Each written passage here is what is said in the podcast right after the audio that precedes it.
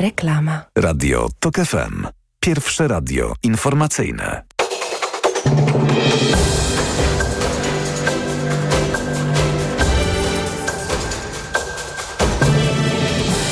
15.40 Marcin Grzebielucha. Uzgodniliśmy produkcję szwedzkich bojowych wozów piechoty, ogłosił ukraiński prezydent Wołodymyr Zełański po spotkaniu z premierem Szwecji Ulfem Kristersonem.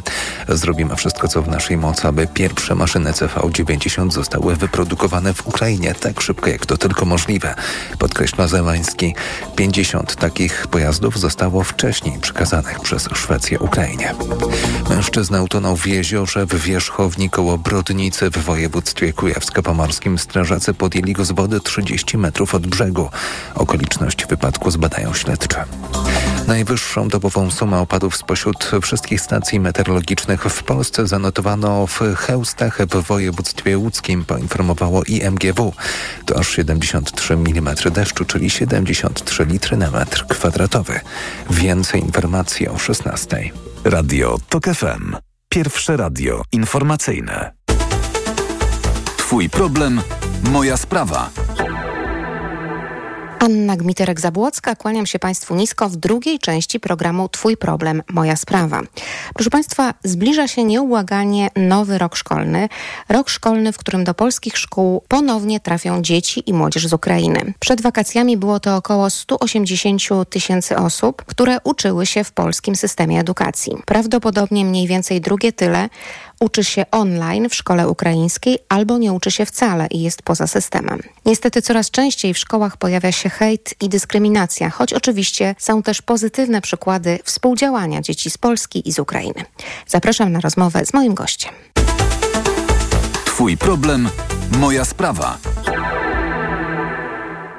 E, jestem Rita Rabinek. E, przyjechałam już prawie 10 lat temu z Donbasu z powodów prywatnych i już jak byłam tu, zaczął się konflikt na Donbasie na, na początku i tak to, tak, to, tak to było, jeżeli chodzi o mnie. Z wykształcenia jestem kulturoznawcą, a teraz jeszcze zrobiłam podyplomówkę z przygotowania pedagogicznego, żeby mieć takie kompetencje bardziej już skierowane na pracę z dziećmi. I obecnie pracuję jako asystentka międzykulturowa z ramienia Fundacji Polskie Forum Migracyjne. Współpracujemy obecnie, ja współpracuję z dwoma szkołami. Moja rola jest taka, że ja występuję taką pośredniczką pomiędzy szkołą, dziećmi z doświadczenia migranckim, ich rodzicami i, i kadrą szkolną. Tak po prostu łączę, tłumaczę, wspieram dzieci w nauce, wspieram rodziców merytorycznie, tłumaczę spotkania na przykład, jeżeli jest potrzeba spotkania rodziców z kadrą szkolną, z psychologiem, z pedagogiem, z dyrektorką. Jeżeli trzeba konsultacyjnie też wesprzeć, wyjaśnić, wytłumaczyć, jak funkcjonuje system edukacji w, w, Polsce, czym się różni od systemu edukacji z kraju pochodzenia. Tak? To jest, jest to moja taka rola. To jest tak, że od września ruszy nowy rok szkolny, a jednocześnie wiemy o tym, że bardzo duża grupa dzieci z Ukrainy nie chodzi do szkoły, nie Część się uczy online, ale część prawdopodobnie nie uczy się wcale. Jak to wygląda z Pani perspektywy? Co Pani o nich wie? Tu jest, można powiedzieć, że jest, występuje tu dwie strony. Występują rodzice z dziećmi i występuje też państwo.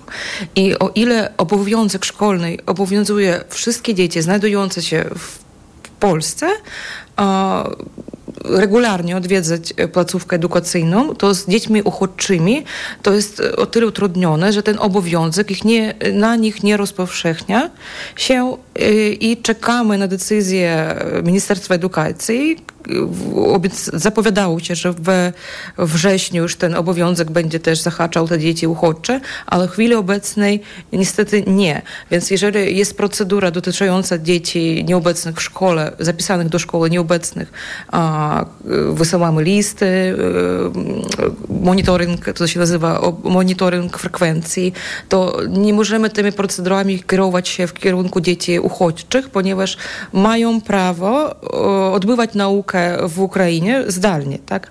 Więc, ale też nie możemy e, sprawdzić, czy to prawda, czy to nie, bo to na zasadzie oświadczenia, rodzic wypełnia oświadczenie w szkole rejonowej, że moje dziecko odwiedza naukę zdalną i taki sposób realizuje obowiązek szkolny, ale też nie, nie mamy takich danych, ile dzieci zamieszkuje w tej dzielnicy, ponieważ meldunek nie jest obowiązkowy um, i nie mamy po prostu takich danych.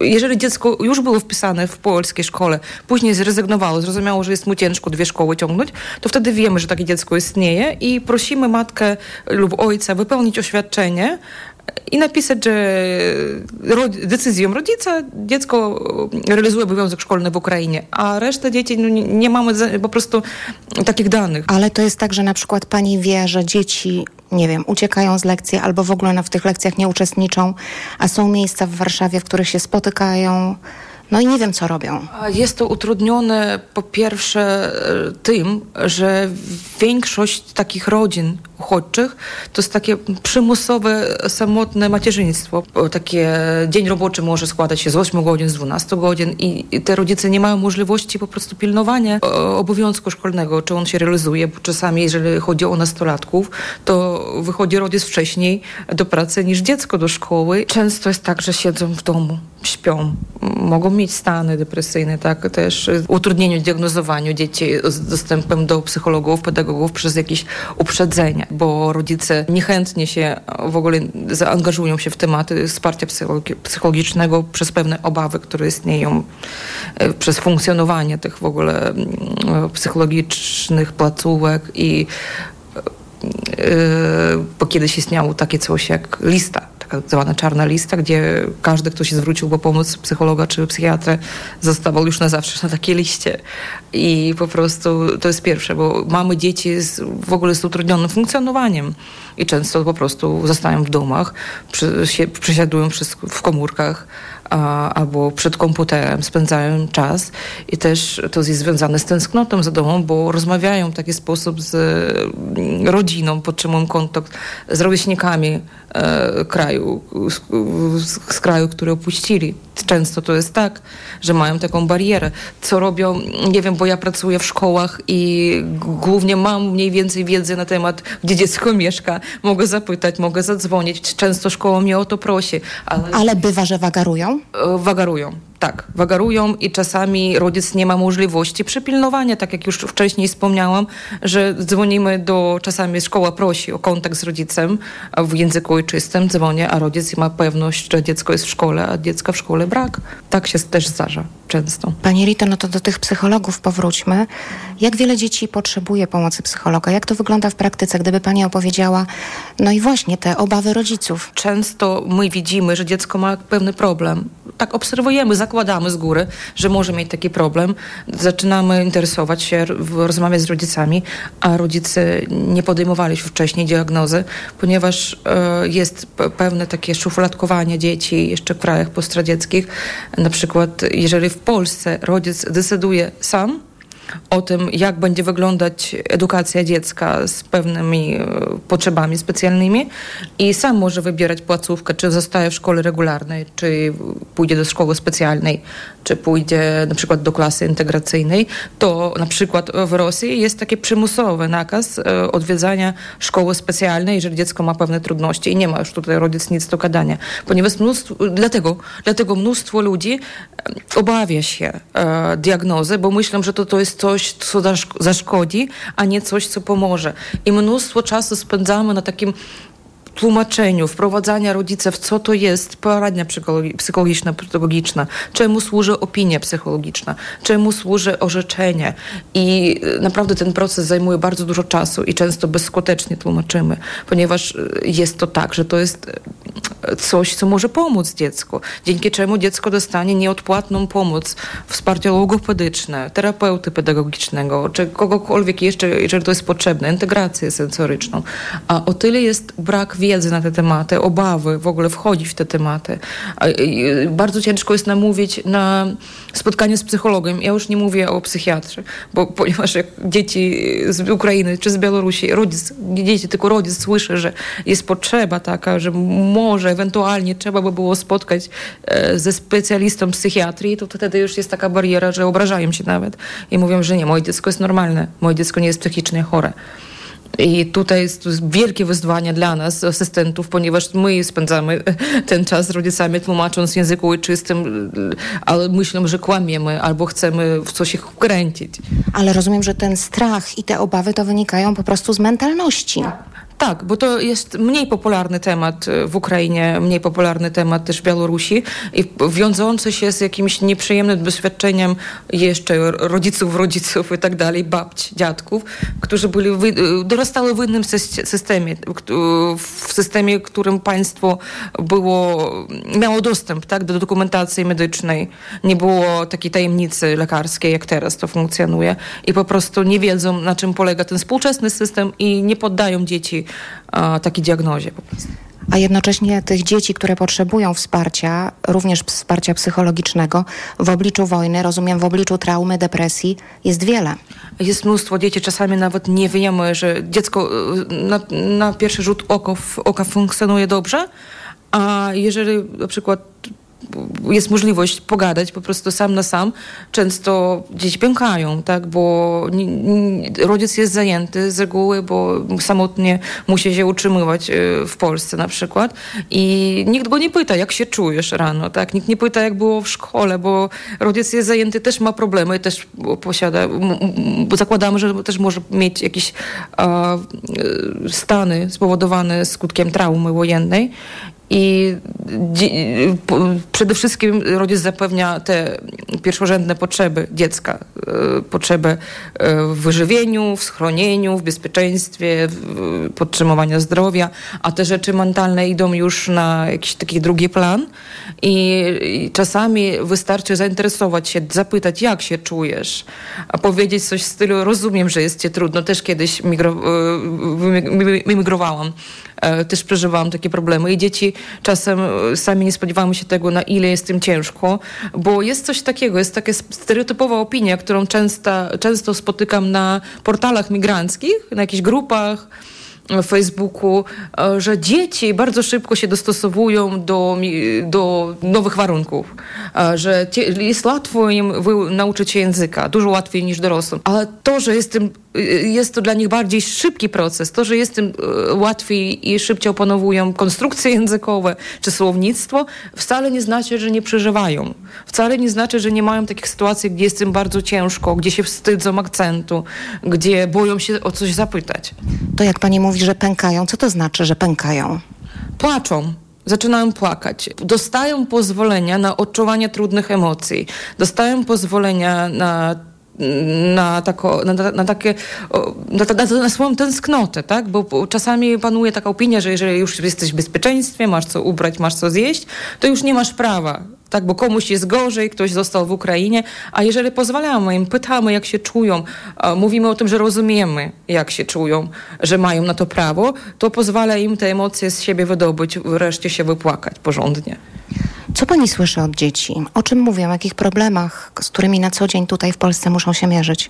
Mają dużo obaw, zwłaszcza nastolatkowie, którym zależy na tym, jak wyglądają, zależy na tym, co o nich myślą, tak? To mogą się wstydzić akcentu. Tam już mieli przyjaciół, już mieli swoją pozycję w społeczeństwie, rolę w klasie, tak? A tutaj muszą zaczynać wszystko od nowa i nie mają możliwości wysławiać swoją opinię, ponieważ nie znają języka.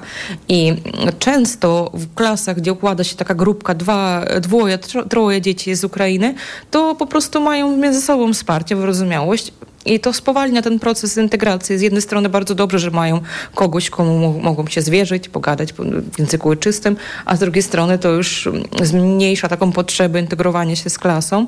No i już y, sama klasa ich marginalizuje, bo a po co my będziemy się wtrącać, jeżeli jestem w dwójkę, w dwójkę dobrze, jeżeli nie, nie chcą z nami na przykład rozmawiać.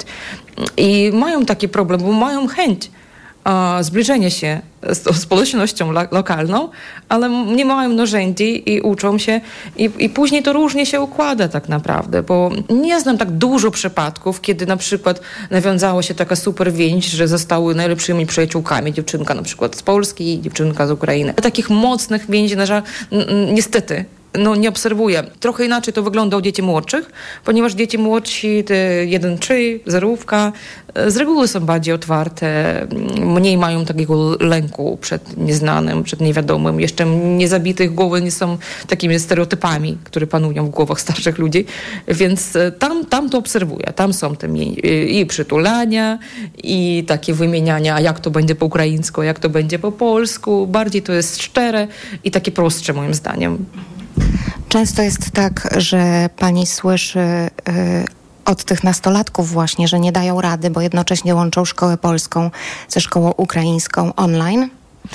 Jest to bardzo trudne, ponieważ oni są, one, oni e, w takiej trudnej sytuacji, bo mają też bardzo mocne wymagania ze strony szkoły. Niestety ta empatia nauczycielska już powoli dobiega końca, bo już sporo czasu minęło i oczekują jakichś osiągnięć od dzieci. Oczekują, że opanowali język na tyle, żeby nie mieć wsparcia asystenckiego, żeby pisać kartkówki, bo jedni dostosowują, drudzy nie dostosowują kartkówki, a niektórzy myślą, że już koniec, starczy tego i nie będziemy już dostosowywać i oczekują na jakieś rezultaty. A z drugiej strony są rodzice, które naczytały się na forach, że dzieci bardzo szybko powinni się dostosowywać i uczyć się języka i też oczekują dobrych wyników ze strony e, jak z polskiej, w polskiej szkoły, w szkole, tak i w ukraińskiej.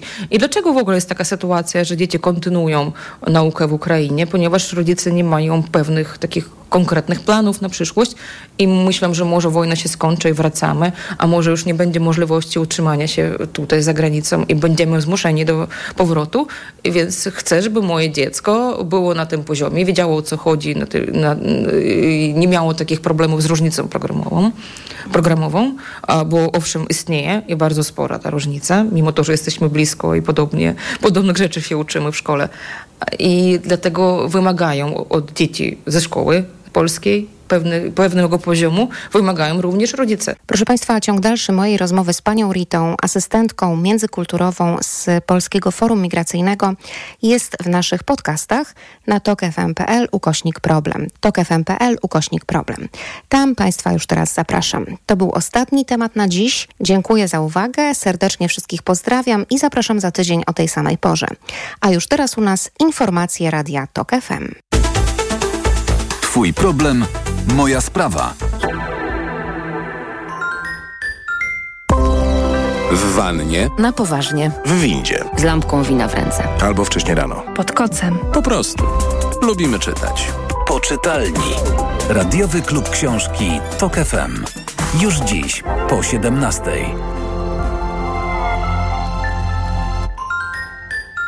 Reklama.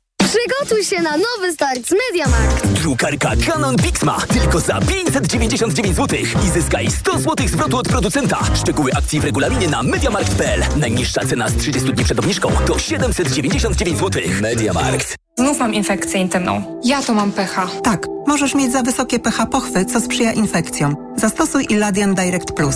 Iladian Direct Plus przywraca i utrzymuje fizjologiczne pH pochwy, dzięki czemu zapobiega nawrotom infekcji. Iladian Direct Plus. Zapomnij o infekcjach intymnych. Pomocniczo w leczeniu oraz w profilaktyce bakteryjnego, grzybiczego lub mieszanego zapalenia pochwy, w łagodzeniu suchości i uczucia napięcia błony śluzowej pochwy. Aflofarm to jest wyrób medyczny. Używaj go zgodnie z instrukcją używania lub etykietą.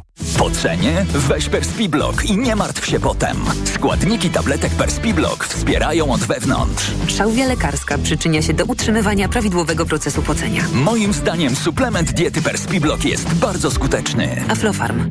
Zapraszamy na wielką wyprzedaż w Castoramie. Obniżki nawet o 80%. 6 dni obniżek. Nawet o 80%. To już mówiliśmy. Ale jakie to super, więc jeszcze raz. Obniżki nawet o 80%. Wyprzedaż potrwa tylko do poniedziałku w sklepach i na castorama.pl. Problemy ze snem dotykają coraz więcej osób. Dlatego warto umieć sobie z nimi radzić. Zawarta w suplemencie diety Positivum Sen melatonina ułatwia szybsze zasypianie, a wyciąg z szyszek chmielu pomaga zachować spokojny sen. Positivum Sen. Polecam. Ewa Gawryluk. Aflofarm. O kurcze. Skurcze potrafią pojawić się niespodziewanie podczas aktywności fizycznej, po dużej dawce używek czy w czasie snu. Sięgnij po Neomax Skurcz. Najchętniej wybierany przez Polaków produkt dedykowany osobom zmagającym się ze skurczami. Suplement diety Neomax Skurcz zawiera nie tylko magnez i witaminę B6, ale także potas wspierający prawidłową pracę mięśni. Neomax Skurcz pozwala cieszyć się ruchem i nie myśleć o skurczach. Neomax Skurcz. Więcej niż magnez. Aflofarm. Nas, uczestników ruchu drogowego, łączy jedno – troska o bezpieczeństwo. Liczba wypadków systematycznie spada, a od 1 lipca dla samochodów osobowych i motocykli wszystkie odcinki państwowych autostrad są bezpłatne. Podróżujmy bezpiecznie. Szerokiej drogi. Bez opłat. Dlaczego zmieniłam tabletki na wątrobę i stosuję Proliver Cardio? Bo poprzednie tylko chroniły wątrobę, a Proliver Cardio również stymuluje pracę układu pokarmowego. Proliver nie tylko wspomaga wątrobę, ale również wspiera odtruwanie. I dodatkowo Proliver